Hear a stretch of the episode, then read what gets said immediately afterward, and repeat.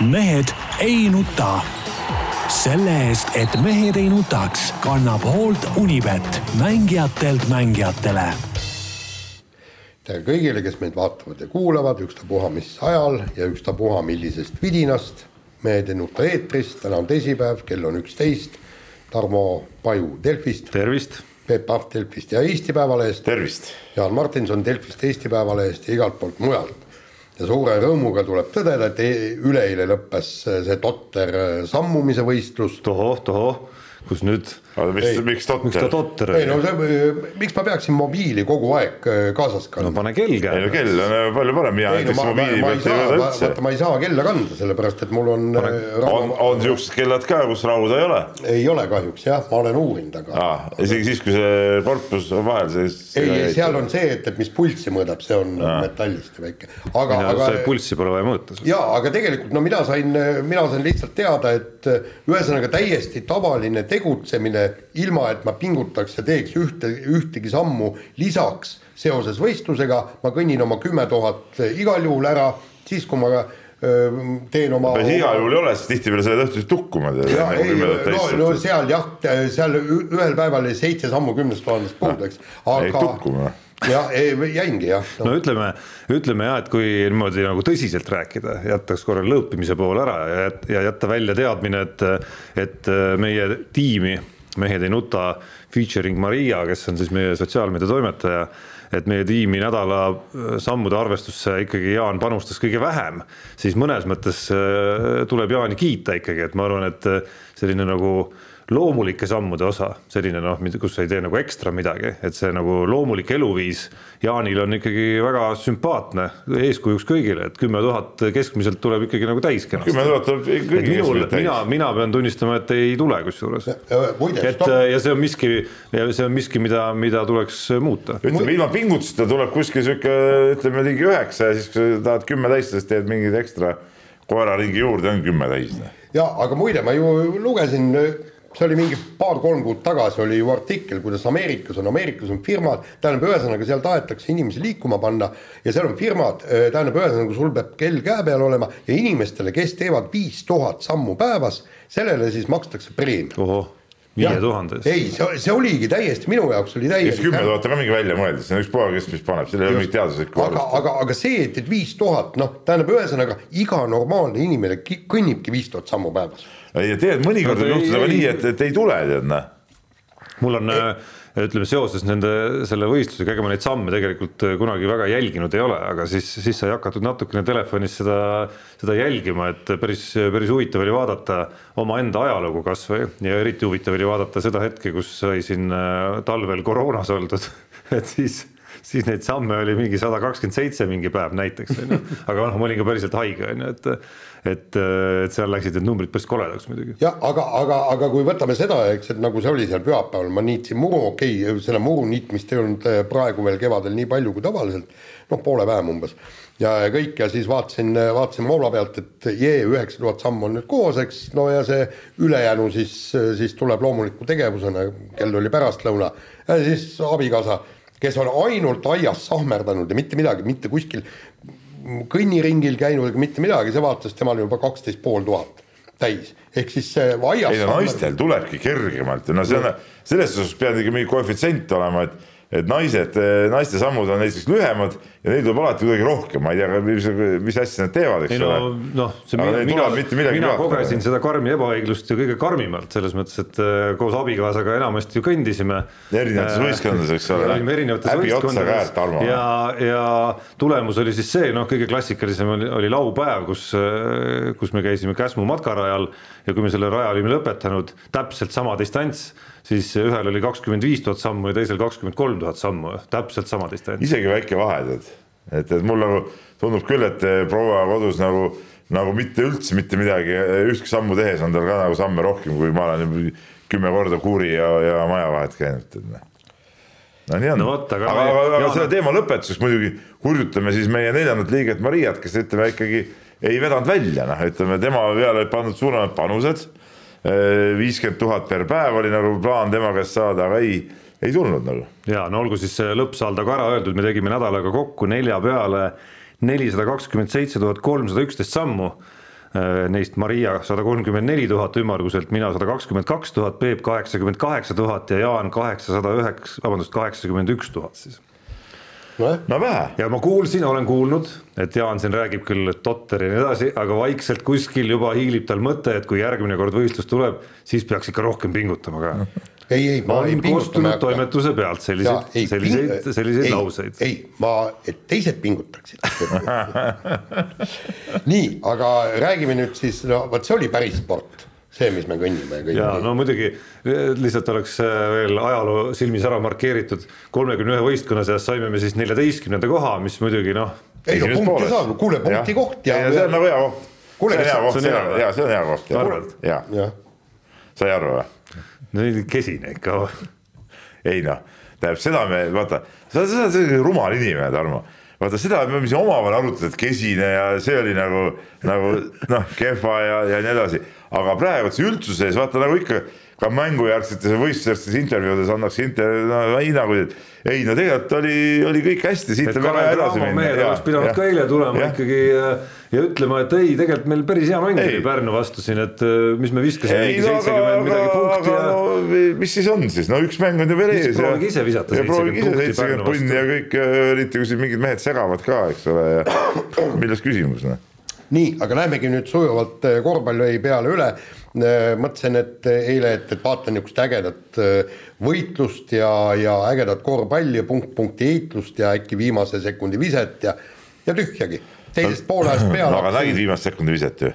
Ei, ma- esimese ei- poole lõpus ei, ma- äh, Viitos pani koos Sireeniga täielik imeviske sisse. ja ei, ma hakkasin teisest poolest vaatama ja see on see on nagu sinu probleem. ei, ei, okei okay,, minu probleem jah, aga, aga tegelikult no tehke nüüd mulle selgeks.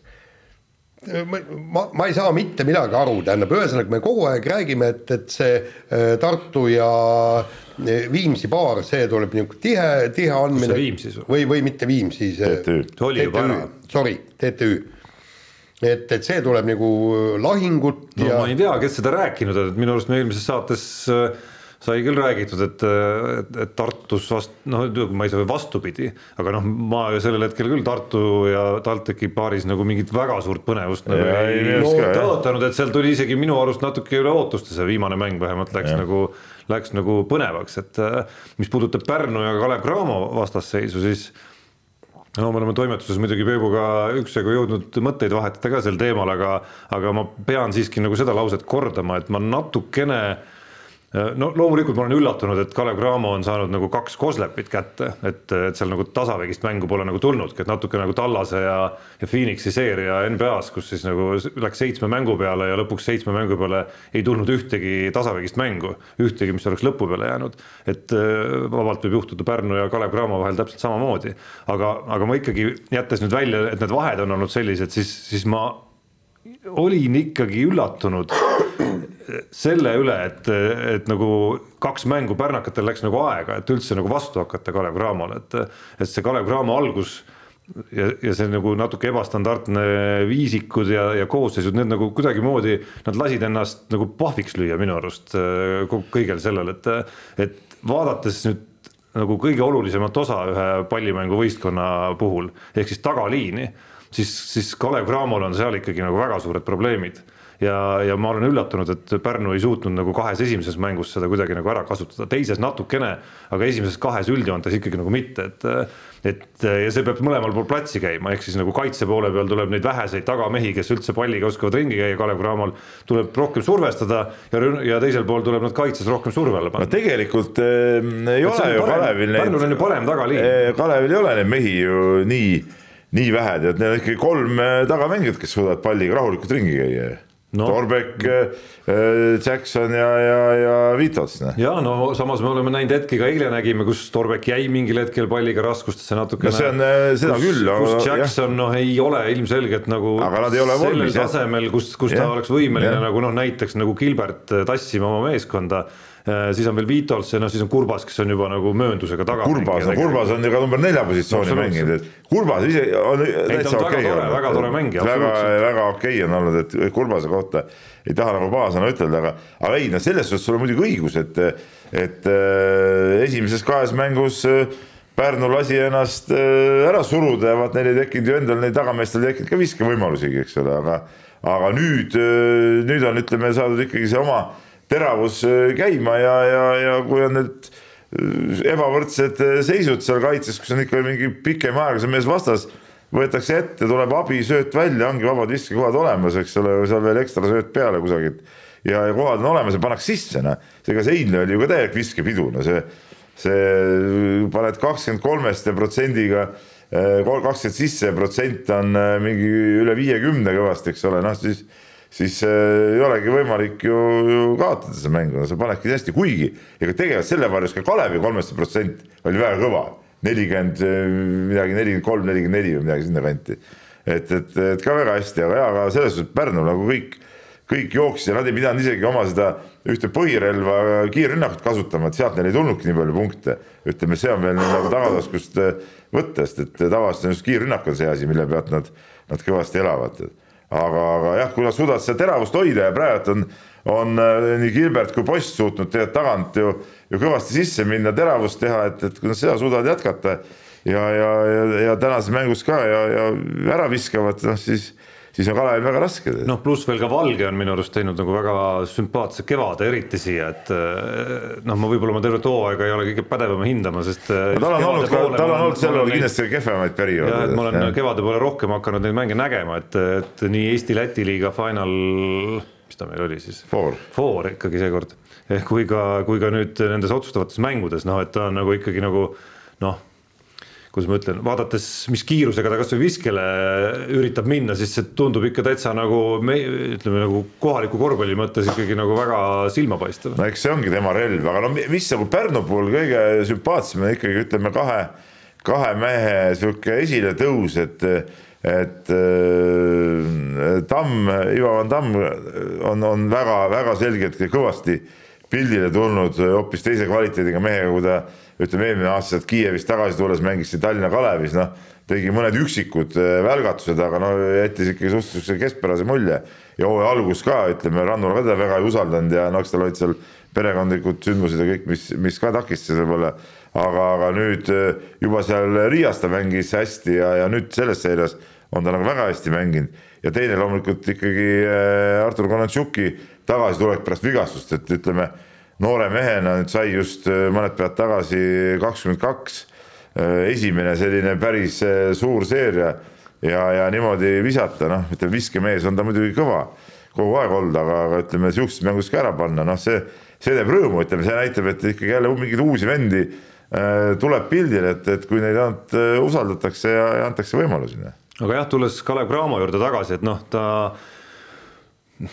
no ta on ikka nagu üsna haavatud, üsna haavatud loom, tuleb nagu reaalsusele otsa vaadata, et me võib-olla ei tea veel, mis seal nagu klubi sees on toimumas, meeskonna sees on toimumas, kas, mis, mis meeleolud seal valitsevad, kui hästi seal kõik, kogu see organisatoorne pool on hetkel pärast kõike seda, mis on juhtunud siin VTB liigades ja ja kas, ma ei tea, kas eelarvega on, on sul andmeid, kas on seal kõik nagu paigas või ei ole näiteks ja nii edasi ja nii edasi, aga isegi kui jätta nagu kõik see platsiväline juurde, et noh, siis seda, seda koosseisu sa vaatad otsa ja ja noh, sa saad aru, et nad peavad ikkagi noh, mängima mingit väga kohandatud, sellele koosseisule kohandatud korvpalli. kui me näeme korraga vahel isegi viisikuid, kus on siis ühe tagamängija kõrval on Silinš, Hermet, Kitsing ja üks keskmängija Murphy või Nurger on ju, siis see on ikkagi nagu noh, väga ja väga selline nagu ebatavaline ja ega nüüd kuigi Gregor Hermet, rääkides esiletõusjatest, on ka, on ka läheb sinnasamasse kompotti. aga, aga Kalevi kahjuks Kitsing on sama palju langenud, ütleme selle seeria jooksul, noh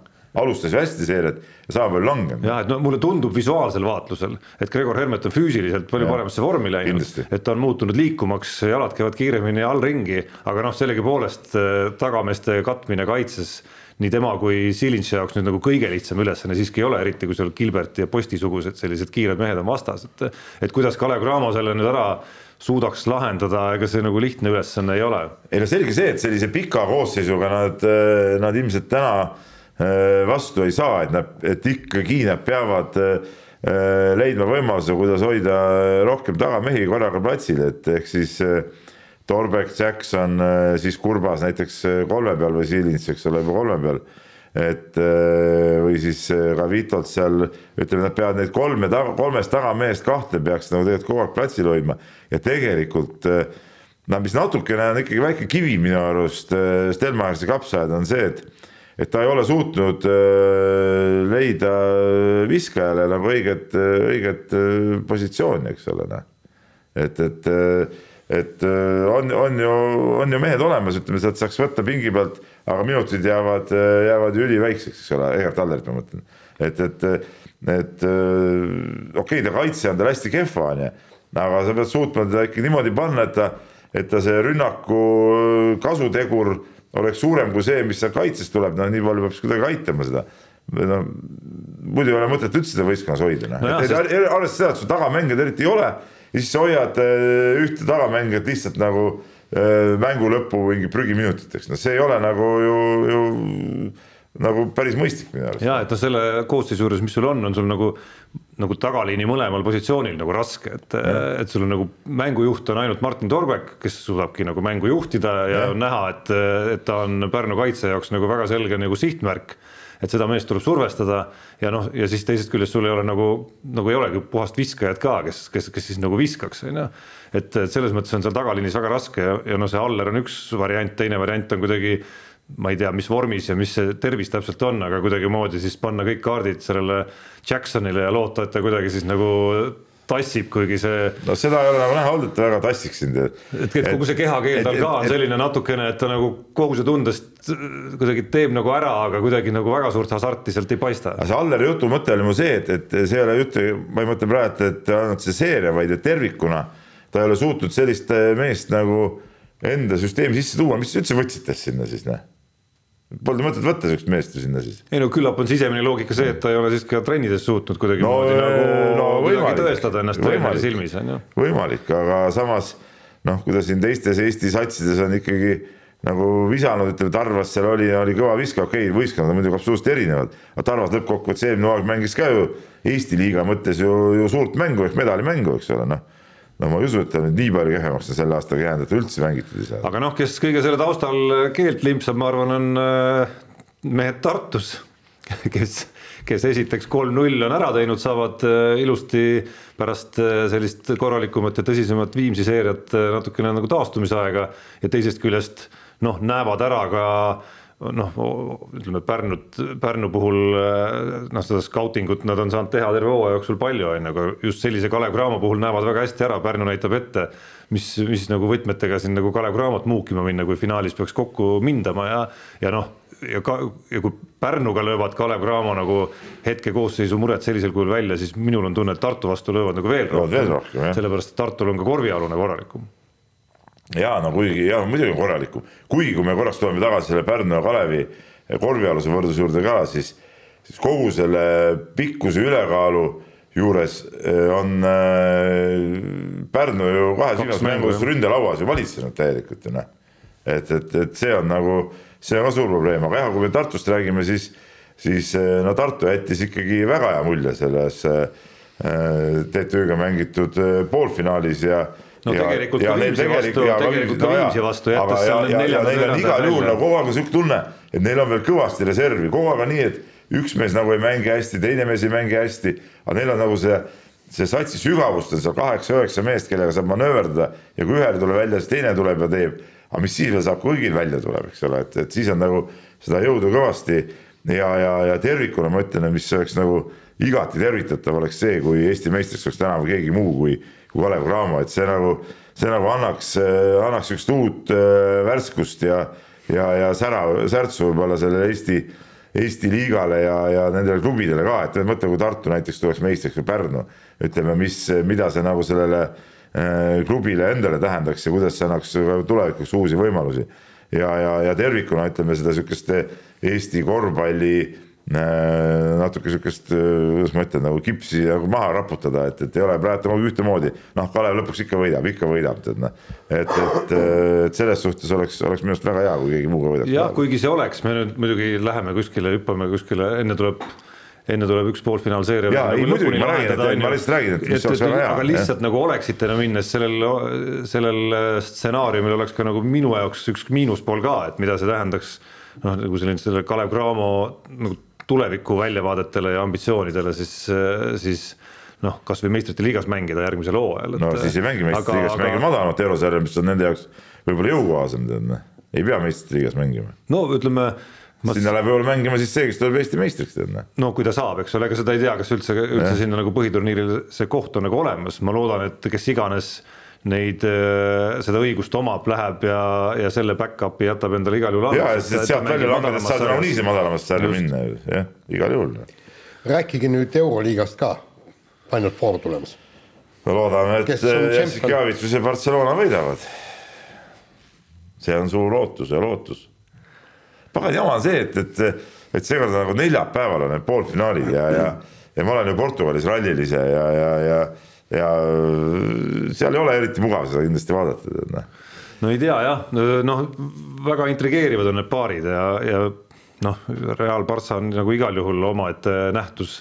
minu, ma isegi ei oska öelda, kas mul on mingisugune lootus, et ma kuidagi enamikel spordialadel olen suutnud ennast mingisse vaatleja positsiooni ajada, kus ma nagu tihtilugu ei elagi nagu kaasa kellelegi konkreetselt, et äh, natukene on mul tekkinud sisetunne, mis võib muidugi puusse panna täiega, et olümpiaakos on päris vastik vastane võib Anatolo Efese jaoks olla. selle üle mul oleks hea meel, sest et äh, olen lisaks Jassikevitšile olen ka suur Bartsokase fänn, et, et, et siuksed toredad treenerid äh, peavad nagu jõudma kaugele. no mulle seal rohkem meeldib see, see nagu meeskond ise. ma tean, sulle Bartsokas üldse ei meeldi. võib-olla peatreener, aga, aga mulle tunduks sümpaatsem see, et olümpiaakos võidab ju tänu sellele, et natukene sellest FS-i ja Atamani bravuurist nagu õhku jah. välja ajada, et, et, et ei töötaks see asi päris nii, et ma nagu terve hooaeg noh, tegelikult vean seanahka, vean seanahka ja, ja siis, kui, kui on otsustav mäng, siis lihtsalt teen, mis tahan, on ju, et ma tahaks loota, et see kuidagimoodi nagu ei lähe läbi ikkagi, sest siis Ataman ei mahu mitte ainult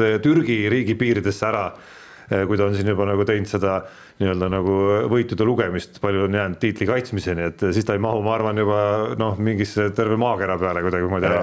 ühtlasi tahaks teha ka olümpiaakose fänne siis seal eh, Belgradis samamoodi möllamas, ma saan aru, et nad piletid on päris kõvasti. Nad on eh, põhimõtteliselt jah ja. teinud sellest oma koduturniiri et aga miks ka mitte noh. et jah, kui ennustama peaks, siis nagu kellegi sunnil, siis pakuks võib-olla Barca ja olümpiaakose finaali mina ja, ja siis äkki Barssat võitaks, aga see kõik on selline mündi. no ma tahaks, et see nii läheks täpselt, et et ära, et ma nii ka ennustan, kui ma tahan, et nii läheb. aga sama hästi võivad nad lõpuks pronksi mängul mängida omavahel. mis mitte kumbagi eriti ei huvita muidugi. nii, äh, vahetame teemat, nagu vihje kõlas juba, Peep on sõitmas Portugali äh, meie viiekraadisest äh, ägedast kevadest saab siis ikkagi minna no kaks, kakskümmend viis oli seal mingi päev ja noh, sihuke mõnus tead no.. ei saa kurta vist jah? jah, ei saa kurta. aga, aga mis on põhiline selle reisi juures lisaks, ma seda, ma seda vestpaika ei viitsigi minna. lisaks ookeanis, lisaks ookeani, ookeani rannal peesitamisele on siis võimalik veebul natukene tuua meie kuulajate, vaatajate, lugejateni siis ka sündmusi Portugali rallilt ja no eks nüüd, nüüd ikkagi nagu läheb asi aina tõsisemaks, et need hooaja alguse kompamised ja esimesed rallid, millest mõnedki on ikkagi väga sellised noh, ebastandardsed äh, on nüüd möödas, et nüüd, nüüd läheb nagu no, päris võistlusele. no jaa, aga see on ka kompamine, see on ka kompamine, sest et see on esimene, esimene kruusaralli ja see on, see on totaalne kompamine, sest kellelgi pole õrna aimugi, mismoodi äh, tähendab noh, nad võib-olla ise teavad, mis, mis seisus nad enda autoga on, aga keegi ei tea, mis seisus teised oma autodega on ja kellelgi pole õrna aimu, mis seisus need autod üksteisega võrd-, võrdluses on? no, no ütleme niimoodi, et, et Ott Tänak siin äh, kurtis, et, et äh, testida on saanud Kruusalt sedavõrd vähe seda äh, autot, et, et, et põhimõtteliselt see Portugal ongi üks testipäev või testi nädalavahetus, et, et, et sama selle samas tiimi pealik ütles, et auto ongi ehitatud ikka Kruusale mõeldud rohkem Just. ja arendatud selle järgi, et et mina usun küll, et, et viimased need Tänaku väljaütlemised on ka siuksed pigem pessimistlikud ja tegelikkus on olnud hoopis midagi muud seda oli näha ka ju Horvaatias näiteks ju et, et mina arvan küll, et Tänak võib olla seal Portugalis päris kiire tegelikult selle autoga. ja tead, mis tema, tema jaoks on suur pluss, on ju see, tähendab, vaata, mina ei tea, ei saa aru selle Hyundai süsteemist ja kuidas seal võimalik on, aga kui nad läksid sinna kruusale testima, siis seal oli ju vihmane ühesõnaga kuiva, kuiva kruusa testipäevadel ei olnud. Ja rahulikult siis äh, testisid siis teised nagu Will ja, ja Sordo vist, eks ju, tegid märja ilmal ja Ott Tänak ütles ei, no way, mingit võimalust, ootame kuiva aja ära ja tema ju testis seda ja. autot, ma, ma ei tea, kas kümmekond päeva isegi, isegi hiljem, ühesõnaga ta suutis välja pressida endale siis selle nii, normaaloludes testi nagu, mis nagu reaalselt seal hakkab olema. just, aga, aga, aga siin mind natukene imestab, et Neuvill kes on ju pikaaegne ja Hyundai sõitja ja kõik, eks, et tema nagu soostus selle märja ilma testiga no,. Sordo ka, kes on Portugalis väga tugev. absoluutselt, aga no okei okay,, Sordo on see üksikute rallide sõitja, võib-olla tal seda sõnaõigust ei ole, aga miks Neuvill ei öelnud, kuulge, oodake nüüd, poisid, et, et ei ole mõtet praegu mm -hmm. siin, siin ringi sõita, et no kihlveokontoritele võib nagu kaasa tunda põhimõtteliselt sellistes oludes uute autodega uuel pinnasel jälle sõitmise eel kuidagi midagi nagu välja mõelda üldse, et kui ma huvi pärast siia kiikan meie, meie Unibetti kasvõi siis äh, Evans, Ogier, Tänak kõik ühel pulgal nelja koma seitsmekümne viie peal. oota, kus siis äh,, Evans, Ogier, Tänak jah, kus lööb on? siis on Neville, siis on Lööb noh, ka üsna lähedal seal numbriliselt ja siis on Kalle Rovanpera, aga okei okay,, seal on äh, stardikoht mängib, mängib, mängib oma rolli, eks. ja siis on Sordo, kõigil alla kümne ja aga, aga noh, ütleme niimoodi, siin ongi täiesti võimatu ennustada ja tegelikult on. Äh, no Sordo on ikkagi Portugalis ikkagi äh, kõva käpik tead ja hea stardikoht ka ja stardikoht tal on kõik, eks, aga, aga, aga ma ei, ma ei kujuta ette, kui palju rallimeestel on see, et, et ta ju pole sõitnud nüüd tükk aega et, et, et kuidas no, on alati tulnud ju siuksed, täpselt samas seisus on alati tulnud Portugali. ja, ja seal hakkavad mängima ju veel üks asi, jällegi me tuleme selle hübriidajami juurde jälle tagasi, sellepärast et siiamaani on ju sõidetud lumel ja siis Äh, asfaltil ja kusjuures asfaltil on ju noh, tegelikult sujuv sõitmine seal, seal nagu äh, seda nii-öelda see auto ei saa sedavõrd koormust, kui ta saab nüüd kruusal. Ja, ja vaata, mis juhtus äh, selle Evansiga, tähendab nii kui lumevalli sõitis, oli hübriidajam oli omadega kutu õhtal, eks. Mm, -hmm. pidi, pidi katkestama. Ja, ja see on nüüd ka kõik kõik tiimid ütlevad, et, et, et see võib ka nagu tõsiselt mängu astuda, kusjuures Äh, Toyota käis ju spetsiaalselt testimas hübriidajamit, kui ta ja, ja kuuma ilma, teine asi on kuum no see veel nii kuum ei ole seal, ma ütlen, et seal kõige soojemal päeval on kakskümmend viis. tõeline kuumus tuleb kaks nädalat hiljem äh, Sardiinias no.. just, aga nad ei ole ka kahekümne viiega seda hübriidpäeva, aga siis nad, mis nad tegid, nad võtsid jahutuse ära sealt hübriidajamit. Ja tegid see ekstreemsetest oludest testi. ja, ja Tänakult küsisin, kas nad Hyundai's ka midagi sarnast on teinud, et äh, Tänak ütles, et ei ole nemad. Et, et vot siin, siin võib noh, saab näha aga ometi me räägime täitsa asjadest, mida ei tea ei meie ega keegi teinegi mitte midagi. no see põnev saab olema. oota, Porto kandis on see kõik või? kus see ralli staap on? ralli staap on Portos, aga seal neljapäeva õhtu sõidetakse, ma ei suuda selle linna nime praegu peast enam meelde tuletada, sõidetakse teise linna, kus on siis äh, ametlik start ja kus siis reedel äh, reedel, seal on kõik need meediaüritused ja mingid publikuüritused ja siis reede hommiku sõidetakse reede terve päev, sõidetakse Portost tagasi, päeval nagu Portos servist ei ole, et seal on ainult see äh, rehvi vahetuse koht on poolel teel no. et väga raske päev saab olema see reedene päev nagu sõitjatele. no sellest äh, sõitjatele, autodele jah, no sul, sul saab see ikkagi tore olema vist. mul saab tore olema. Port Vein kindlasti, kindlasti menüüsse ja ja Portugalis on üks väga äge maius, ma ei tea, kas sa tead. kuule, ma olen Past... Portugali ralli käinud viimased mingisugune viis või kuus aastat. nagu Pastei de Nata, oled kuulnud? ei, ma seda maiustest ei tea midagi. no vot, see on, see on selline, mida tuleb, tuleb kindlasti ei, seda ma ei tea, ma ei, naine ei luba mul ka maiust süüa. ei, ei, see on selline nagu no kuidas öelda ma pean seda näitama isegi vist, vist see on selline nagu kreemine selline, no selline kuidas ma ütlen, noh, noh, ütleme selline, sellised väiksed kreemised, sellised toredad, toredad sellised, näe, näitame no siia ka. väga hea, väga hea. aga, aga mina, mina muidugi soovitan eh, seda eh, legendaarset Portugali eh, suppi, juhul kui sa. ei, ma suppi ma ei taha. tähendab kindlasti, ei no kuule, ei, me oleme Raimajas ja Portos nii palju käinud, ma tean täpselt, mis ma seal, vein täpselt, mis seal sobib ja seal on seal on õlutit on normaalselt ka ja, ja ei, ei kõik. ja, ja, ja kusjuures tegelikult soovitan sulle äh, ka, ka väga hea, kindlasti proovi, on grillitud kaheksa jalga. ei, ei, ma ei taha. on grillitud kaheksa jalga ohtra, sibula ja kartuliga. kaheksa jalga, unusta ära. kurat küll. ma üks sodi ei söö, noh, noh, mis me peaks kaheksa jalga sööma. sellepärast see on maitsev. ei, see ei ole maitsev noh sa oled proovinud? ei ole, ma ei tahagi proovida sellist asja kui lapsega räägiks, vaata, et kuule, et proovi vähemalt, on ju, aga oma lapsele õpetad äh,, ei õpeta niimoodi, et Mida? kuule, proovi vähemalt ära, enne kui sa ütled, et ei taha. ei, ta ütleb, kui ma ütlen, et proovi, siis proovib. no huvitav, kui ma nagu läheks faktikontrolli tegema praegu sellele väitele siis kas see nagu peaks ka või mitte? ja kuidas sa kontrollid seda? no küsin kasvõi proua Pahvi käest. ahah no lähme edasi. suudan temaga kontakti leida küll. Lähme nüüd järgmise punktiga edasi no aga mine. nii, et ähm, suusaliidus käib siis äh, järjekordne tsirkus nagu, nagu sellele alaliidule viimasel ajal või viimastel aastatel või aastakümnel kombeks on.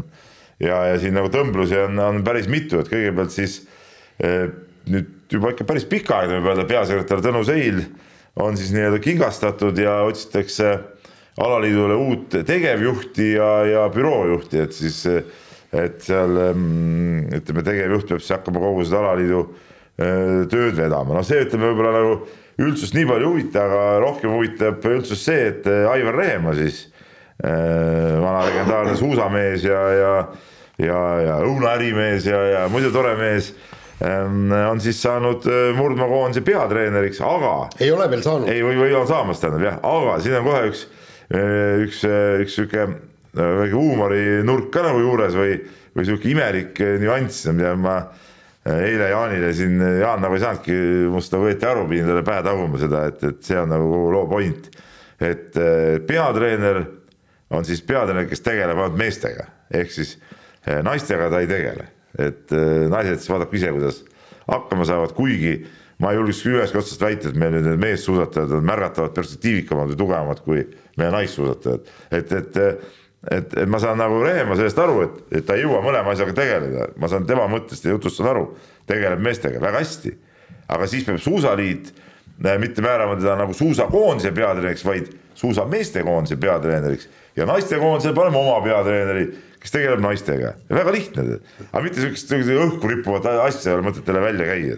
ja aga, aga noh, tähendab siin, siin võib aru saada tege-, tegelikult. ei, siin ei ole midagi aru saada, ära. oota, oota, stopp. sina hakkad õigustama mingeid, mingeid ei, ma ei, ma ei õigusta üldse, tähendab, seal oli ju isegi siis alakomitee, kes tegi Rehemale ettepaneku ja, ja siis noh, kinnitas, et ehk siis, et tema on nagu, Rehemaa on nagu suusakoondise kandidaat, siis isegi protokollis on märgitud ära, et seal on, oli arutelu, kuidas nimetada Aivar Rehemaa äh, ametikoht kas mänedžer, kas spordidirektor või peatreener ja nad panid äh, äh, peatreeneriks ta sellepärast, et see on nagu kõigile lihtsamini mõistetav.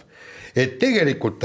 ei kuule, kuula nüüd, kui ta oleks olnud suusa murdmaa spordidirektor või murdmaakoondise mänedžer oleks pidanud ikkagi ka naistega tegelema ju jaa, aga, aga, aga nüüd ta võtab nagu endale ka topeltkohustused, ehk siis Mis ta topelt? nagu no hakkab treeninguid läbi viima ka. eks, aga, ta... aga, aga peatreeneri ülesanne ei tohiks olla ju raha otsida see on ju ei, tegelikult seesama. aga, aga ma räägin veel kord, me ei saa panna peatreeneriks, kes tegeleb ainult ühe osaga koondisest, näe no jaa, aga ei ole mõtet seal, olgu ta siis meeste peatreener ja pange naiste peatreener ka paika. enne ei ole see suusaliidu, see murdmaakomitee, mingi unustage ära, no naljavennad olete, tead, noh pange asi normaalselt paika kõigepealt, tead noh. no esiteks jah, kõigepealt su suusaliidu juhatus peab kinnitama. juhatus, juhatus, see murdmaakomitee ka, ma ei saa, mis, millega te tegelete seal? no jaa, aga, aga nagu ma eile sulle ütlesin, see on nagu õpetaja Lauri no,. sa, sa laulad jälle nende mingi ametnike laulu, tead, mis sulle keegi pähe istutanud mm. -hmm saad ise ka aru, et see on täielik totrus. ei no ta on totrus, aga kui ei ole kedagi, kui Kas... ei ole kedagi teist panna, tähendab ühesõnaga. ma räägin, pane ta siis ainult meestest ära, siis nimetada ühe terve kooli. jah, ja see on, see on teine asi, aga, aga seda, mis ma ütlen, et, et praegu see eh, suusaliidul on struktuuri muutus, et see on minu meelest tervitatav, et lõppude lõpuks nad tahavad ikkagi selle asja eh, kuidagimoodi tööle ja paika saama, sellepärast et tegelikult. kas see, kes nimetab peasekretäri ümber tegevjuhiks, midagi paika paneb, selles me oleme muidugi päris kindel ei, ei ole. ma ei räägi nimetusest, aga miks see uus nimetus on, on sellepärast, et tema tööjuhendis, vaata seal on peasekretäri tööjuhend, et tegevdirektori tööjuhendis on eh, veidikene lisaasju, mida peaks siis see mees eh, või naine, kes selleks saab, eh, tegema.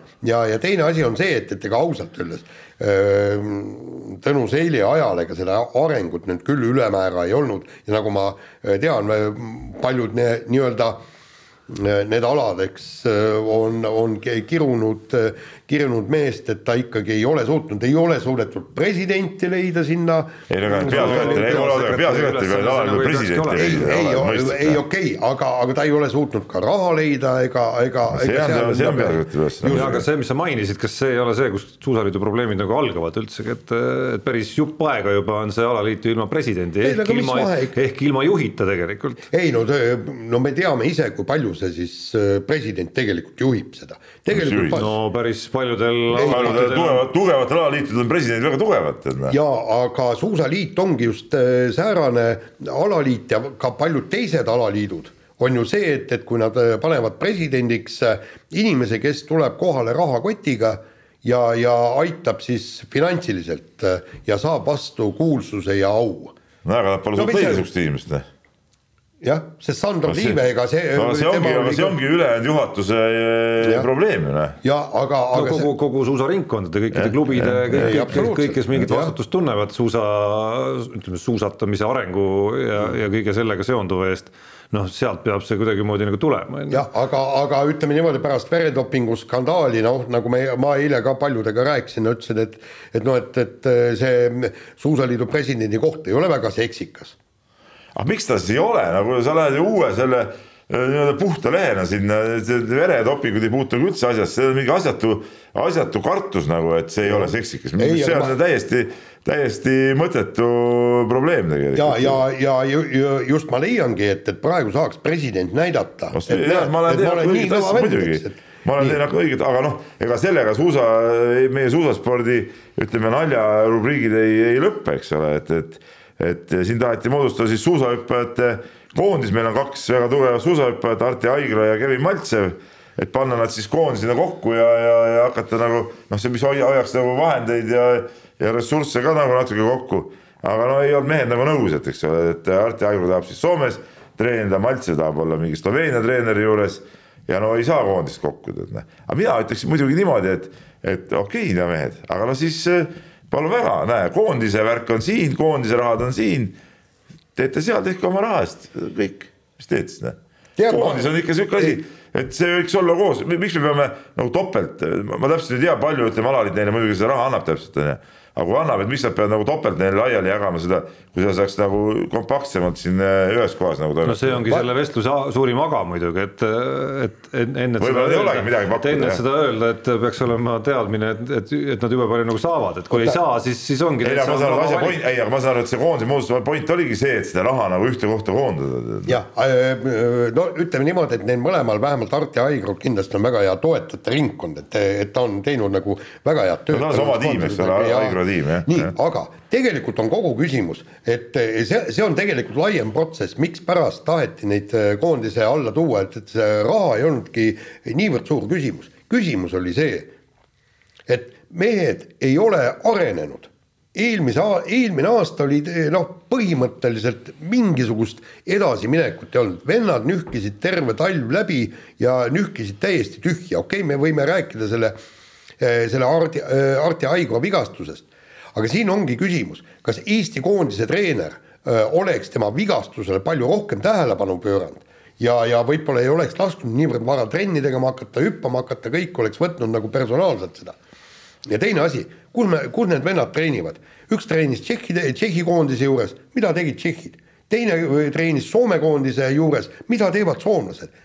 So-, Soomla, Soome koondis on ju täiesti keskpärane suusahüppajate sats ja, ja miks me arvame, et me peaksime sealt paremaks saama?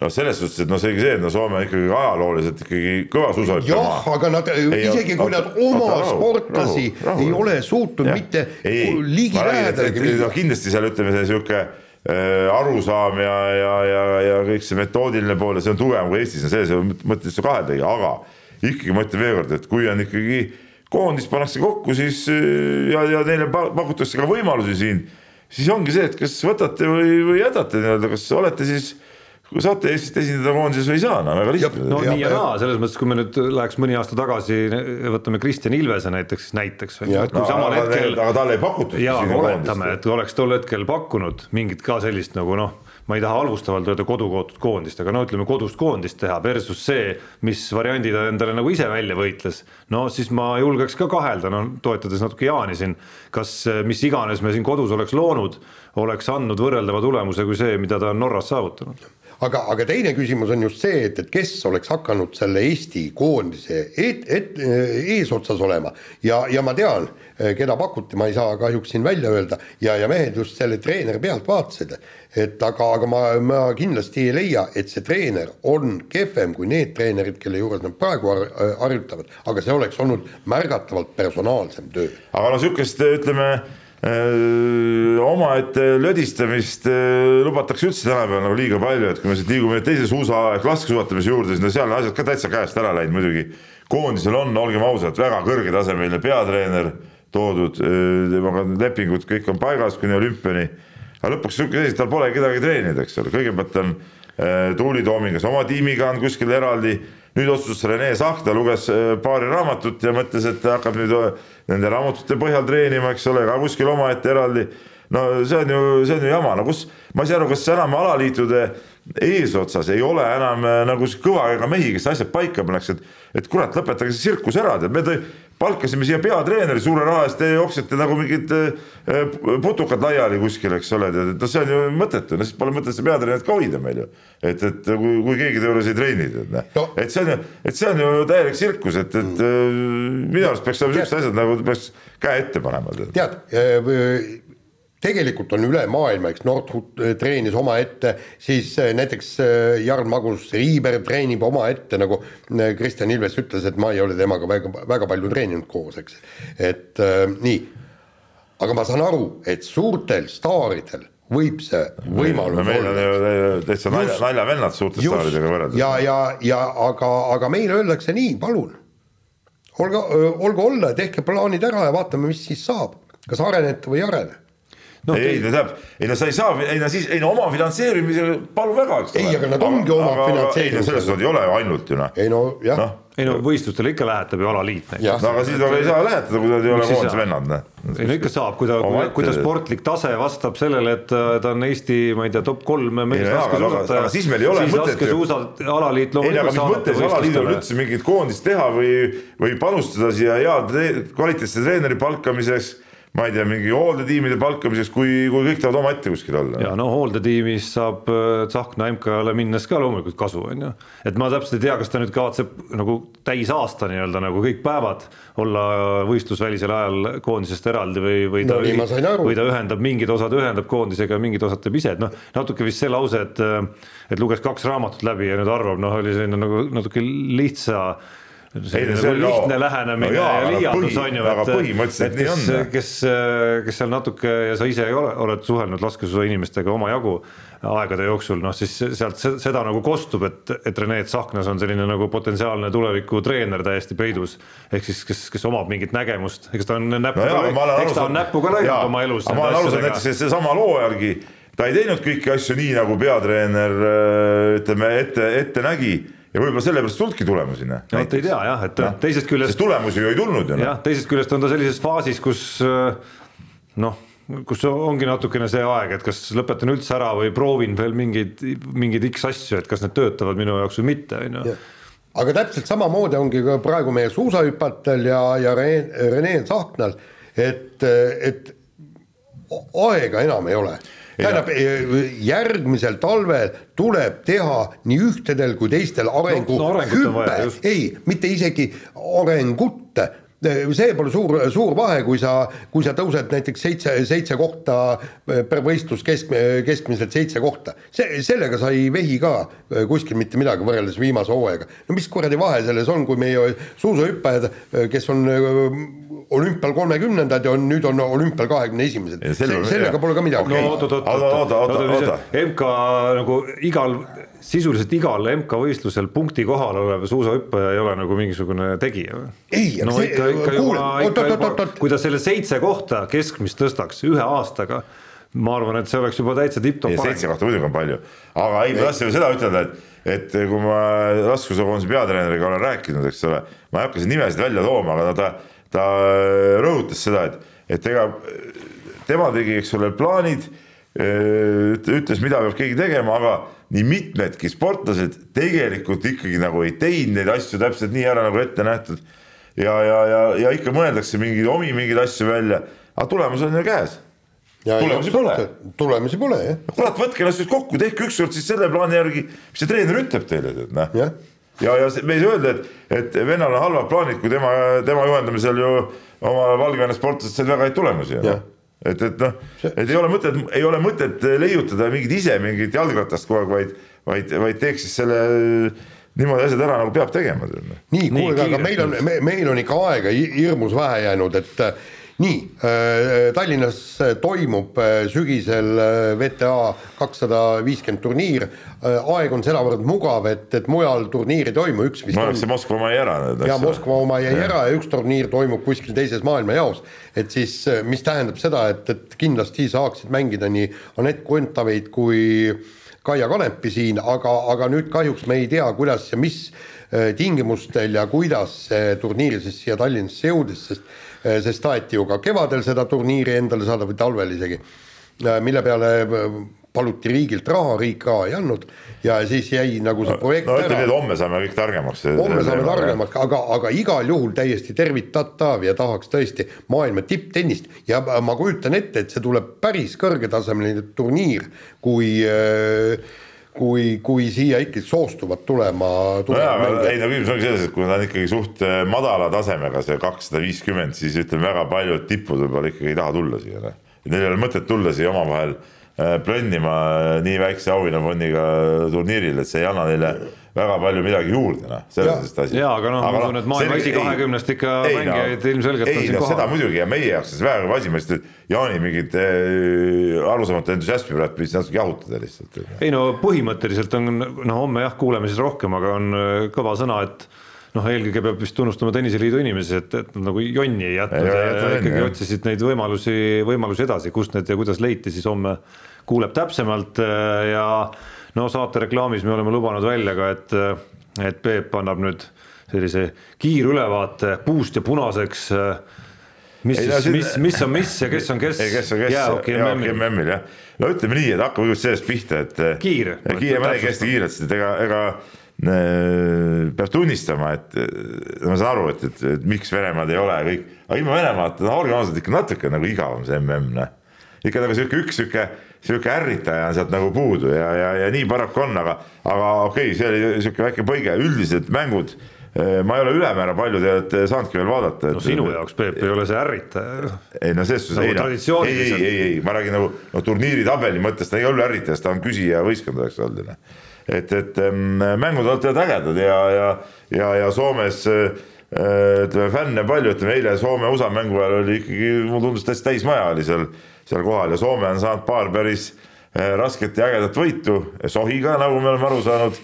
Sohiga võitsid Lätit ja, ja ka eile USA mängus oli, oli, oli seal mingi probleem jah, et, et, et aga ütleme nii, et, et ega see pilt nüüd väga palju muut-, muutunud ei ole, et ikkagi tabeli tipus ja ütleme alagruppidest sinna nelja hulka äh, ikkagi saavad, liivad ikka samad, samad satsid, mis alati, et kui ühes grupis on Soome, Rootsi, USA ja Tšehhi on, on, on olemas juba, siis just, nemad peaksid edasi saama, aga teine grupp, nagu ma olen aru saanud, seal on seis segasem, kuna seal on neid keskmisi võistkondi Jaa, rohkem ja jaa. see, see on nagu selles mõttes põnevam grupp. seal on no selge see, et Kanada, Šveits on, on tugevamad, eks ole, noh, Saksamaa ja nüüd ongi see, et, et kes nad siis, no Slovakkia peaks tegelikult tõusma ikkagi, olümpial ju tegid ju, ju, ju väga Slovakkia sai nüüd tappa. väga hea, ma räägin, nad peaks tõusma, no kolme mänguga saanud ainult äh, ühe võidu praegu.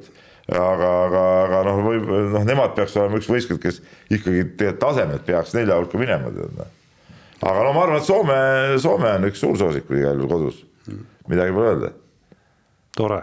jah, no olümpiavõitjad ka ja miks mitte? miks, miks mitte, siin oleneb muidugi sellest ka, kes nüüd kellele siin juurde tuleb, ma, ma tean, soomlased on ühte tugevat kaitset saamas juurde, aga siin ütleme NHL-ist siin praegu kukkusid välja päris, päris palju igast mehi, et ütleme siin nüüd nüüd lähipäevadel nagu näha, et, et, et kuidas need võistkonnad nagu tugevnevad, et seal neid, neid auke oli nagu jäetud sisse küll. no soomlastel ju vedas sellega, et Gren tuli ju ja. poole pealt juurde ja nii, aga laseme kõlli.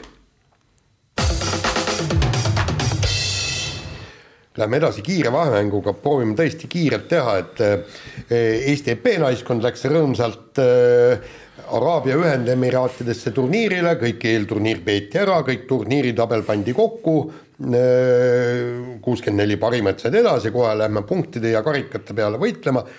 Katrina Lehis ja Kristiina Kuusk leppisid omavahel kokku, et nad vehklevad finaalis kenasti. ja siis selgus, et riigipea on teise ilma läinud, kuulutati välja mitmepäevane lein ja, ja öeldi, et äh, kõik, mingit turniiri äh, ei tule, et siis veel mõeldi, et kas järgmine päev naiskonnaturniir pidada või mitte, öeldi, et see jääb ka ära ja mis kõige hullem oli see, et spordisaal pandi ka lukku. mis see hull on siis? mis see hull on siis, et lukku pandi? sellepärast, et nad ei saanud trenni teha. mis trenni, kui sa oled Araabia Ühendemiraatides ja hea soe olla kuskil hotelli basseini ääres, mis sa seal võistled, võtad väikse kokteili ja ja lased tšilli nagu. no, no põhimõtteliselt see no., seda nad siis no. lõpuks tegidki. no mis aga... see nuriseda on siis? ei nuriseda, nuriseda, ta on on. spordiinged, ja, kõik, ja kõik, ja kõik ütleme need, ei no kõik olid ju võrdses seisus ju, tähendab kogu maailma korrakiht oli seal kohal. ma saan aru, Peep, et ja, ja kõik pidid seal väike relax, ütleme enne enne seda järgmist võistlust väga hea, tead näe. ma saan aru, sul ei mahu pähe, et keegi ei, mõtles, et ta teeks trenni ja saaks paremaks vahepeal. vastupidi, ei väga hästi mahub pähe, aga aga väga tähtsad ja õigel ajal ka ütleme näiteks, kui ma võtan nüüd oma selle korvpallimeeskonnas, eks ole, seal ma tegin ka enne Final Fouri tegi, tegime ühe kõva, kõva, ütleme siukse restardi õhtu nagu tead, väga hästi mõjus tead. Noh. jah õigel ajal. see on muidugi nagu... väga tabav paralleel ausalt öeldes no ikka väga kohe. ei noh, aga nendel ka ju, kuule mõtle, mõtle, kui sa kogu aeg päevast päeva teed seda, seda liigutust, eks ole, naksaki, naksaki, no kuule, no vahepeal on tarvis ikka aju natuke ütleme desinfitseerida ära ka ju tead noh. et, et käib te, teises suunas. käib teises suunas ka natuke ja täpselt ja, ja, ja miks ka mitte ja kui kõik seda teevad, siis ei ole nii, et oi, mina nüüd siin puhkasin ja keegi tegi trenni ja keegi ei saanud trenni teha, võrdsed tingimused, milles küsimus selge pilt, äh, vahetame teemat, murdmaa suusatamises äh, otsused on nüüd lõpuks äh, valminud, räägitud on kaua, ühtlustatakse distantside pikkused. kindel siis, ei ole, see läheb rahvusvaheliseks okay,. aga no tundub ikkagi, et sinna, tundub, et see sinna läheb, ehk et meeste-naiste distantsid saavad siis täpselt ühe pikkuseks.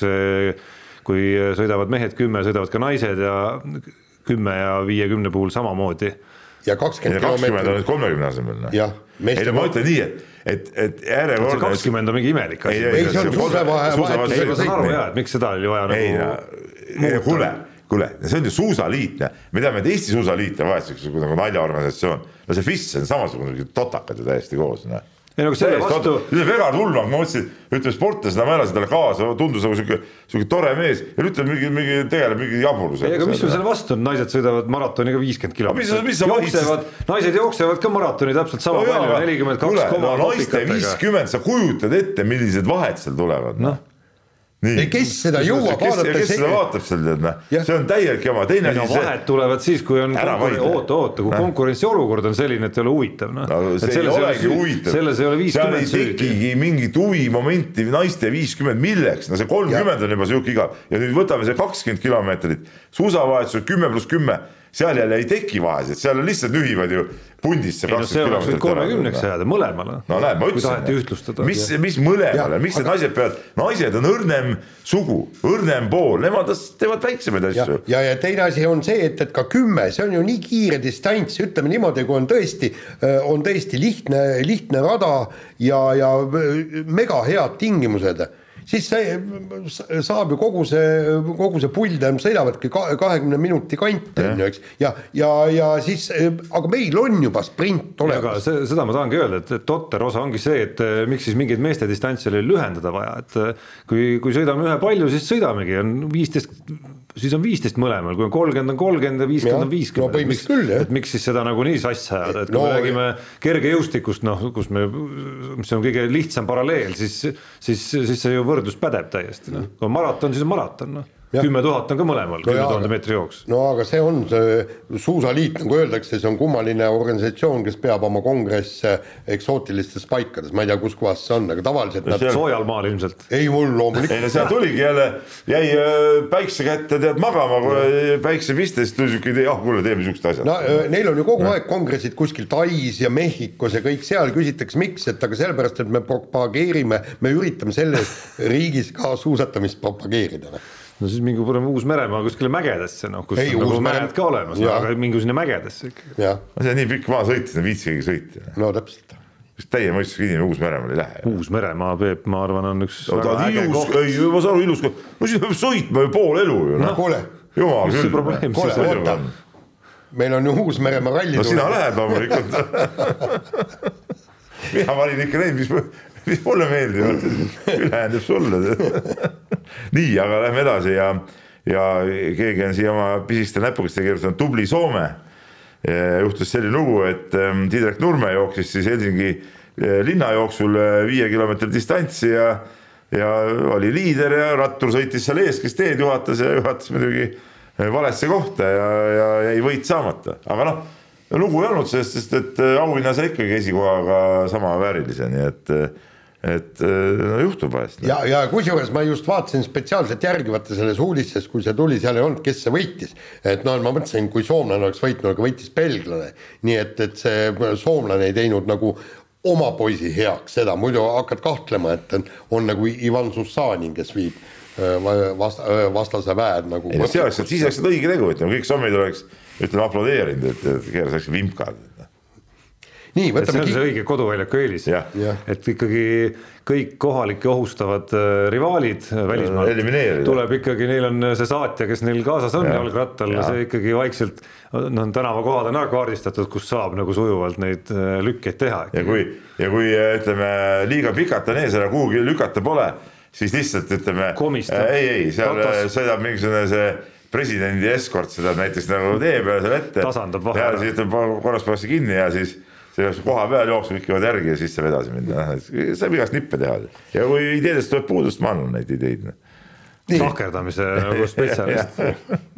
Nii, järgmine teema, äh, ülivõimas värk, Mart Poom pälvis ülekaal, äh, ülekaalukalt Derby County jalgpallisatsi kahe tuhandendate aastate parima jalgpalluri tiitli, seal oli kümnendite kaupa anti siis välja neid tiitleid ja et see on tegelikult hämmastav et pannakse mingi Eesti mängija, pisikese Eesti mängija väravaht ka veel ja valitakse nagu kümnendi parimaks klubi. aga oli seal, oli seal sel kümnendil mõni mängija veel siis, kes saaks seda väärida? ei, ma, ma seda nagu ei oska. ei no oli ikka jaa, neid nimesid nii hästi enam ei mäleta, mingi Paolo Van Schoped ja kes seal. Oli kes seal, kes seal kõik nagu tegusid tegid, on ju, et. aga Poom lõi ju värava absoluutselt ja hoidis ära väga palju väravaid, et, et mind see ei üllata küll absoluutselt. me mäletame seda kümnendit. ja, et me mäletame seda kümnendit ju päris hästi, et Eesti ajakirjanikud käisid pidevalt seal kohapeal ja, ja see asiotaaž Poomi ümber noh, oli nagu äge ikkagi ja see oli ka siin.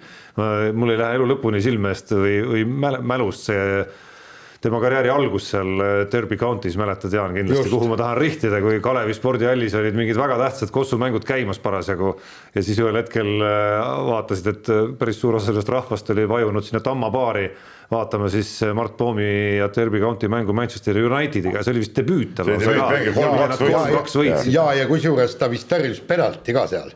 Ja, ja, ja kusjuures ma mäletan, et see oli see aeg, kui mina isegi kirjutasin korvpallireportaaže et äh, paratamatult Õhtu, Õhtulehes olles, äh, ma ei tea, Peep, sina, sind vist ei olnud Õhtulehes äh, toona veel või? ma ei mäleta, mis oli, ma seda mäletan, seda, ma olin saalis küll tookord. jah, aga mina pidin miskipärast kirjutama ja siis põhimõtteliselt ma läksin ja kirjutasin korvpallireportaaži Mart Poomi mängust ehk siis ma kirjutasin, kuidas kõik tulid korvpalli vaatama ja siis valgusid sinna Tamma baari ja siis kirjeldasin seda Mart Poomi mängu, et see oli, see oli hästi pull artikkel. aga kiire vahemängu lõpetuseks, eh, Heiki Nabi käis spordikohtu istungil, tõdes, et olümpiafinaalis on lihtsam maadelda, tead, mida teha ikkagi enam-vähem seal. nüüd siis on vaja ootama jääda.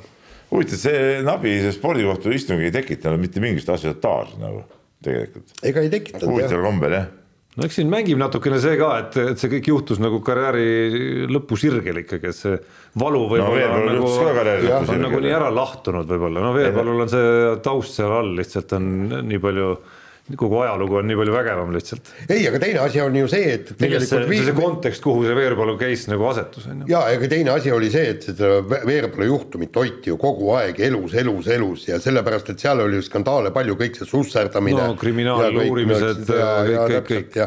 aga, aga, aga Eiki Nabi puhul, et et, et see oli natuke kummaline, kui ta ütles, et, et talle ei meeldinud vastaspool, ehk siis Eesti antidoping, kes oli tema vastane et tema kogu aeg seal istungi ajal süüdistas, et üritas leida neid võimalusi, kuidas oleks see keelatud aine tema organismi sattunud. äkki niipidi, äkki naapidi, aga see ongi selle ülesanne no,, midagi ei ole. süüdista, süüdistaja ülesanne, aga see vaidlus ju ongi nagu tema mhm. versus antidoping. just, aga, aga mis oli huvitav, oli see, et Eesti antidoping lõpuks möönis, et tahtlikku tarvitamist ei olnud, et seda Äh, mõistis äh, Enn Vallimäe ehk siis antidopingu juht, ütles ka, et kohtuistungilt ta sai aru, et see on tõesti äh, juhuslik saastamine, aga sportlane peab ka tegema kõik, et, et, et, et seda ei juhtuks. nii, aga laseme nüüd kõlli Unibetis saab tasuta vaadata aastas enam kui viiekümne tuhande mängu otseülekannet. seda isegi mobiilis ja tahvelarvutis. Unibet, mängijatelt mängijatele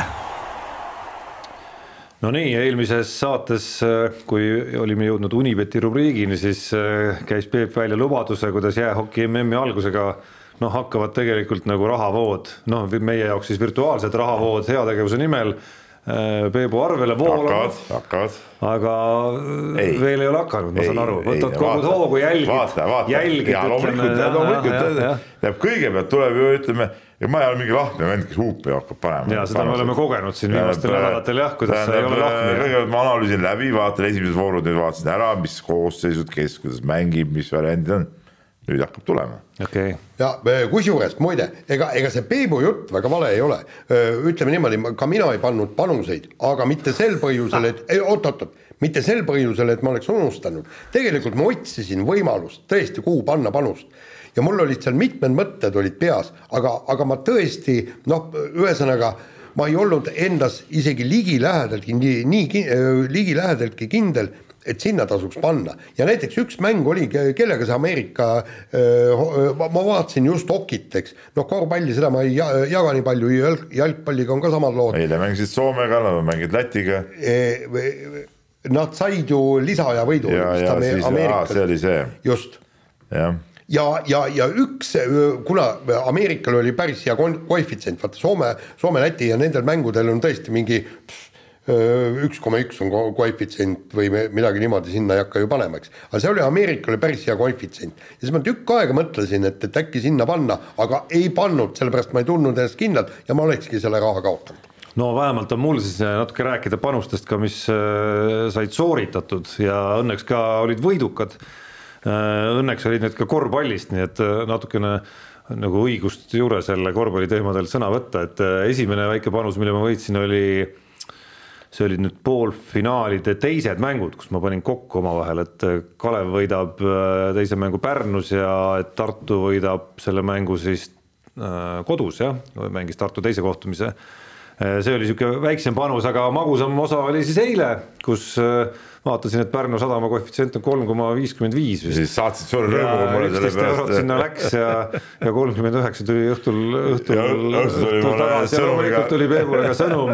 see oli siis äh, meenutusega, kuidas ma hommikul toimetuses olin talle rääkinud sellest, kuidas äh, minu silmis vähemalt kuidagi hakkab see või, või, või ei tundu see nagu nii üllatav ikkagi, et Pärnu, Pärnu selle seeria nagu ümber pöörab? aga ma teen, äh, ütleme tänaseks kõigile hoki ennustamises väga hea soovituse, neljane kombo Taani võidab Itaaliat, Tšehhi võidab Austriat, Šveits võidab Kasahstani ja Rootsi võidab Suurbritanniat. Kaotusvõimalust ei ole no kuule ära. ma ei tea, kui see kokku panna. ei, Taani, Taani mänge, kõige kahtlane on Taani-Prantsusmaa ei, see on Itaalia. või Itaalia, Taani, aa Itaalia. sa näitad eeskuju, Peep, ja, ja siin, kui me jääme siit pärast saadet veel natukene tiksuma, teed selle ikkagi ära, eripanuseid on kaks tükki töös hetkel, nii et päeva jooksul ilmuvad, üks on seesama Kalev Cramo ja Pärnu ja, ja väärtust omav pool on seal selles koefitsiente vaadates endiselt Pärnu huvitaval kombel.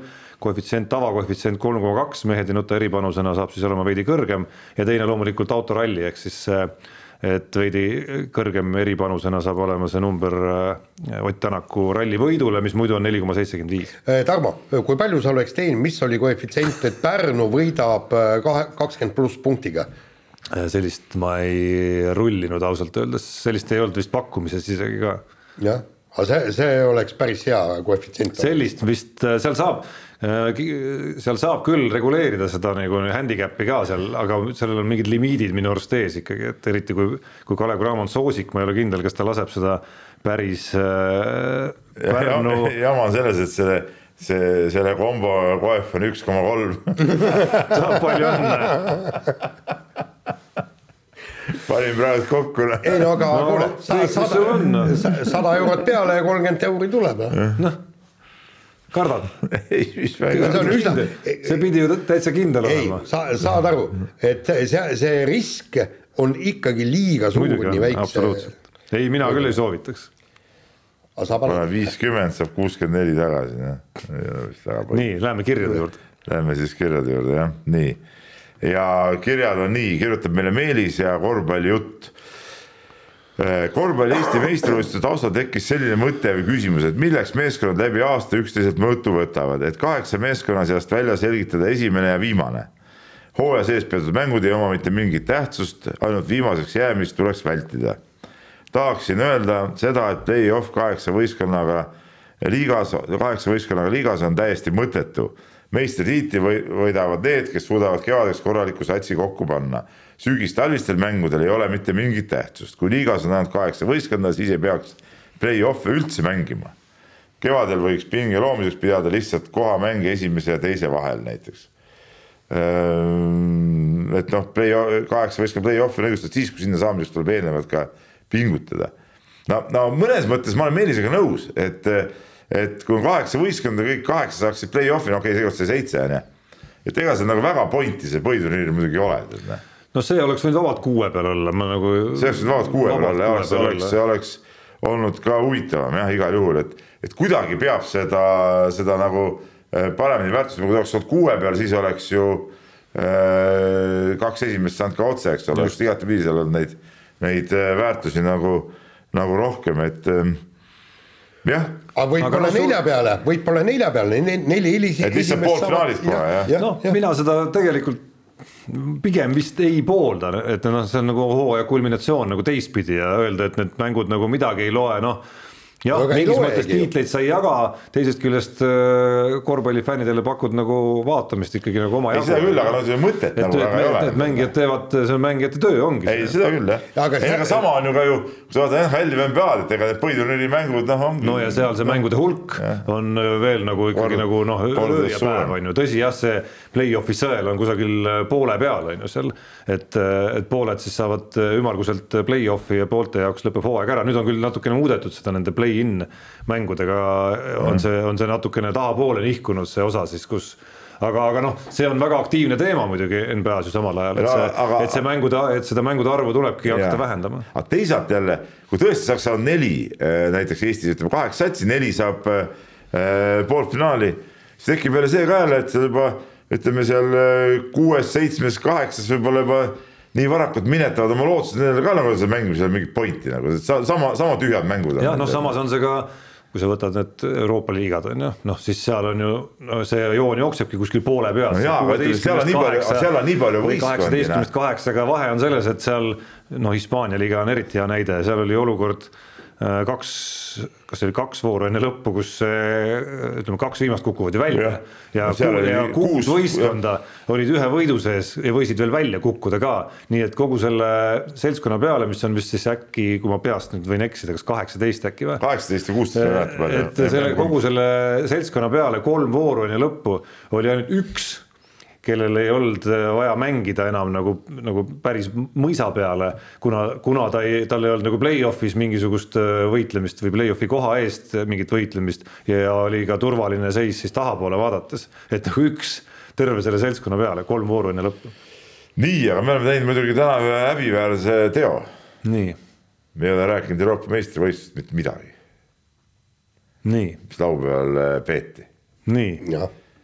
Jah lugesin kirja. no räägime. ja piinlik on. ja piinlik on natuke ja, et siin teadlane Priidik küsib meie käest ja see tulebki nagu sellest, et, et ähm, millise spordiala esikoht on väiksema väärtusega kui Eurovisiooni võistulaulmise võit, aga noh, aga see, et, et me nagu üldse nagu äh, laulmise EM-ist välja teinud, oli muidugi nagu ütleme, teemade kokkupanija, vaatasin Jaani otsa, vaatasin Tarmo otsa et me jääme möödalaskmine noh. no,. aga, aga no, mis. ma oleks kuidagi loogiliselt arvanud, et, et sõnasabas siin kohe Peep haarab ise siin ohjad kohe ja valab oma, valab oma frustratsiooni välja kohe alustuseks. ei no frustratsioon, ei noh, mis frustratsioon, ei muidugi mul on, mul on selles suhtes. Äh, sul on alati väga tugevad veendumused. ja, ja, ja ütleme, minu laulud seekord ei võitnud.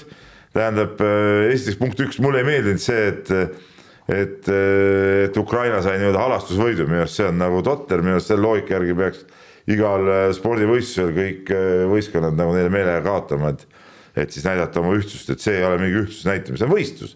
on ju, see, see ei ole niimoodi, et sa pead meelega kaotama, siis oli minu arust arusaamatu mingisuguse Suurbritannia laulu mingisugune teine koht, mis oli täiesti, täiesti nii mõttetu lugu, et, et mul nagu ühtegi fragmenti ka sellest loost meeles ei ole ja siis mind pani imestama, et see soomlaste, see Rasmuse lugu eh, sai nii, eh, nii vähe hääli nagu. no ütleme niimoodi, et mis oli hea lugu. mina vaatasin Eurovisiooni. ja teine hea lugu Jaan oli. vaatas Eurovisiooni. teine hea lugu oli Portugali lugu muidugi hmm.. ma vaatasin Eurovisiooni ühe põhjusega, kuna kõik räägivad, et Ukraina kindlasti võidab, eks, siis ma mõtlesin, et noh, et see on siis ilmselt mingisugune äge lugu Äh, läksin, äh, läksin siis raamatut lugema, panin siis arvuti, panin siis hääle kinni, on ju, pilt jooksis. ja siis kui. vaatasin Eurovisiooni no,. nii, nii ja siis, kui Ukraina lugu tuli. magasid maha sellega? ei, ei, ei maganud, ei, kõik kuulasin loo ära, siis keitasin õlgu, mõtlesin, et no kuulge, et, et vabandage väga, siin Eurovisioonis ei ole küll mõtet mitte ühtegi lugu kuulata kui, kui nii sitt lugu äh, kind-, kindlasti võidab ja aga siis ma mõtlesin, et, et vaatan ka Eesti loo ära, aga muidugi jäin magama. jäid ma jäin magama, nagu aga, aga kusjuures ma olen, ma olen selle Stefani lugu siiski kuulnud äh,. raadiokanaleid vahet, vahetades äh, sattusin mingisuguse loo peale, pärast mida öeldi, et see on Stefani lugu. no nagu alati ma asun kuskil keskel on ju nendes aruteludes või vaidlustes isegi ja nendes. see ei oma kohe mingit selget seisukohta. tegelikult oma nagu kahte tegelikult, et esimese, esimesest poolest jääb mul nagu arusaamatuks see pahameel, noh, ütleks nagu. ei, mul ei ole pahameel, või selline nagu eh, selline mõistmatus, et, et, et Ukraina või, võitis, noh põhjustel, mis ei olnud ainult nagu laulu või, või musikaalsed no,. Nagu aga, aga, aga näha sellest kuidagi või tunda ennast sellest häirituna selles olukorras, kus me oleme ja kus võitja äh, selgub poolenisti siis äh, rahvahääletuse tulemusena, ehk et inimesed annavad oma hääli. no kuule, aga žüriid ei andnud ühtegi punkti. oota, kas Flora, kas Flora kaotas ka Kiievi Dünamole meelega kolm, null kolm? oota, oota, see on ju mõttetu, et mismoodi, kui rahvas tahab Ukrainat toetada sellisel moel, no siis miks see, miks sellest nagu häirituna tunda ennast? no see ei ole, see, see ei ole ju õige sport. küll aga hüpates nüüd teisele poole, et on olemas ka teine äärmus, nagu me nädalavahetusel kuulsime. ja see oli siis see äärmus, kes hakkas näiteks Eesti žüriile ette heitma, et mis mõttes te ei andnud Ukrainale ühtegi punkti, et see on nagu teine jabur äärmus minu arust no,, et kellega ma absoluutselt ei tahaks ka, et žürii roll selles võistluses peaks olema siis nagu sellest noh, ükskõik poliitikast või mis iganes muust toetusest nagu taandada ennast ja hinnata ainult muusikat. huvitav, kui, kui see Ukraina kamp oleks sinna tulnud ja oma kolm minutit lihtsalt ära seisnud häält tegemata minema jalutanud, oleks ka ikka esikoha saanud. ei olnud seal lool häda selles mõttes ei, midagi. selles mõttes, et ta oli. tal ei olnudki midagi häda oli..., aga ta ei olnud, ta ei olnud ka nüüd niimoodi, et, et ta oli nüüd kindel võidulugu. no Eurovisioonil on halb, harva selliseid lugusid, mis ma ei tea no., mind kuidagi panevad nagu, et oh, see on hea lugu ja seda ma tahaks ka Eurovisiooni välisel ajal panna. mul on päris palju, mul on Spotify lemmikute listi Eurovisioonilt ülivähe tuleb selliseid lugusid. aga, aga neid on on, noh, võta see norralaste Nocturne. et sel aastal nüüd ei olnud küll ühtegi vist ja Nocturne on hea näide sellest absoluutselt. ABBA lood. et, et noh, selles mõttes Ukraina lugu oli vähemalt selline noh, mis oli selline, oligi Ukraina lugu, erinevalt sellest tilulilust, mida me seal nägime kuskil ei. Rumeenia või ma ei tea, kelle esituses, mis, mis asi see Serbial oli näiteks. Serbial oli väga veel..., väga hea lugu see mulle, ja see mulle, muuseas Serbia lugu, ma esimest korda nägin, ma vaatasin ka mingi täielik totrus, eks ole. Aga mida rohkem ma seda vaatasin ja ma, mul oli veel äh, õhtul Eurosooni ajal suhtlus ka oma äh, serblasest eksmängijaga äh, ütleme ei, see oli väga-väga kihvt ja ma saan aru, see oli nagu kerge mõnitus ka sellele kogu sellele Äh, viirusevastasele võitlusele seal see, see kätepesu moment nagu mina sain sellest niimoodi ka aru, et noh. ja, ja kokkuvõttes see oli täitsa lahe nägi välja tegelikult, et noh. nii, nii, aga, aga nüüd, aga vastates nüüd Priidiku küsimusele, ma ütlen, et kui. oota, küsimus oli ka tuletada. jaa, muidugi, küsimus oligi see, et, et, et millise spordi esikoht on väiksema väärtusega kui Eurovisiooni võistluslaulmise võit, siis ma ütlen nii, et eh, kui äh, võistulaulmisel pantakse esikohti mingisuguste mitte asjasse puutuvate äh, emotsioonide põhjal, siis ma ütlen nii, et ükski spordi esikoht ei ole kunagi väiksema väärtusega kui Eurovisiooni esikoht ja nii on, nii, lähme nüüd siit edasi et Tarmo saaks midagi ütelda, ma kuulsin, et ta. juba, juba kuulis, kuidas kopsud, nagu kopsudesse hakkas sisenema õhk selleks, et välja tulla koos häälega. nii, aga äh, Andreas Pärnakas Tallinnast kirjutab meile, tal on üks küsimus, kaks küsimust, esiteks, kas lähete Pärnu Graamo mängu vaatama kohale? noh, minul on plaan minna. ei ole veel otsustanud, kui päris aus olla. ei lähe kindlalt. väga halb. Ja kas näete, et Pärnu võib kergime korda saata, no seda me nagu, no ma, seda me nagu arutasime, eks ole, see esimene küsimus nagu tahtis vastamist. jah, et ma, ma seda nagu täna enam nagu ei näe väga suure imena, et noh, ütleme ma isiklikult isegi kui ma ise peaksin panema koefitsiente, ma paneks isegi Pärnu nagu kergeks soosikuks aga ütleme vähemalt fifty-fifty on see küll. kuule kell on väga palju, siis ma võtan veel ainult ühe küsimuse ja Endre kirjutab, et meil oleks nagu alade mõttes tasakaal ka. Ja küsimus selline, mul on küsimus reedese Kiievi äh, Dinamo ja FC Flora mängu kohta, mis te arvate meie meeste füüsilise ja jooksuvormi kohta? no tuleb öelda, et ühed mängivad ikka Euroopa jalgpalli ja teised mängivad Eesti. ma tuletan meelde, Kiievi Dünamos puudusid üheksa koondise mängijat no, ehk siis Kiievi Dünamo nii-öelda B-sats ja siis meie palju kiidetud ja haibitud Flora, noh nagu öö ja päev, siin ei ole midagi no, rääkida. Ei ole midagi rääkida. no kahjuks räägib spordis tihti tulemus enda eest. nii. aga sellega on saade lõppenud ja kuulake meid nädala pärast, kui Äh, Peep on kenasti Portugalist tagasi ja pruun jume näol. põlenud. just. juhuu. mehed ei nuta. saate tõi sinuni Unibet, mängijatelt mängijatele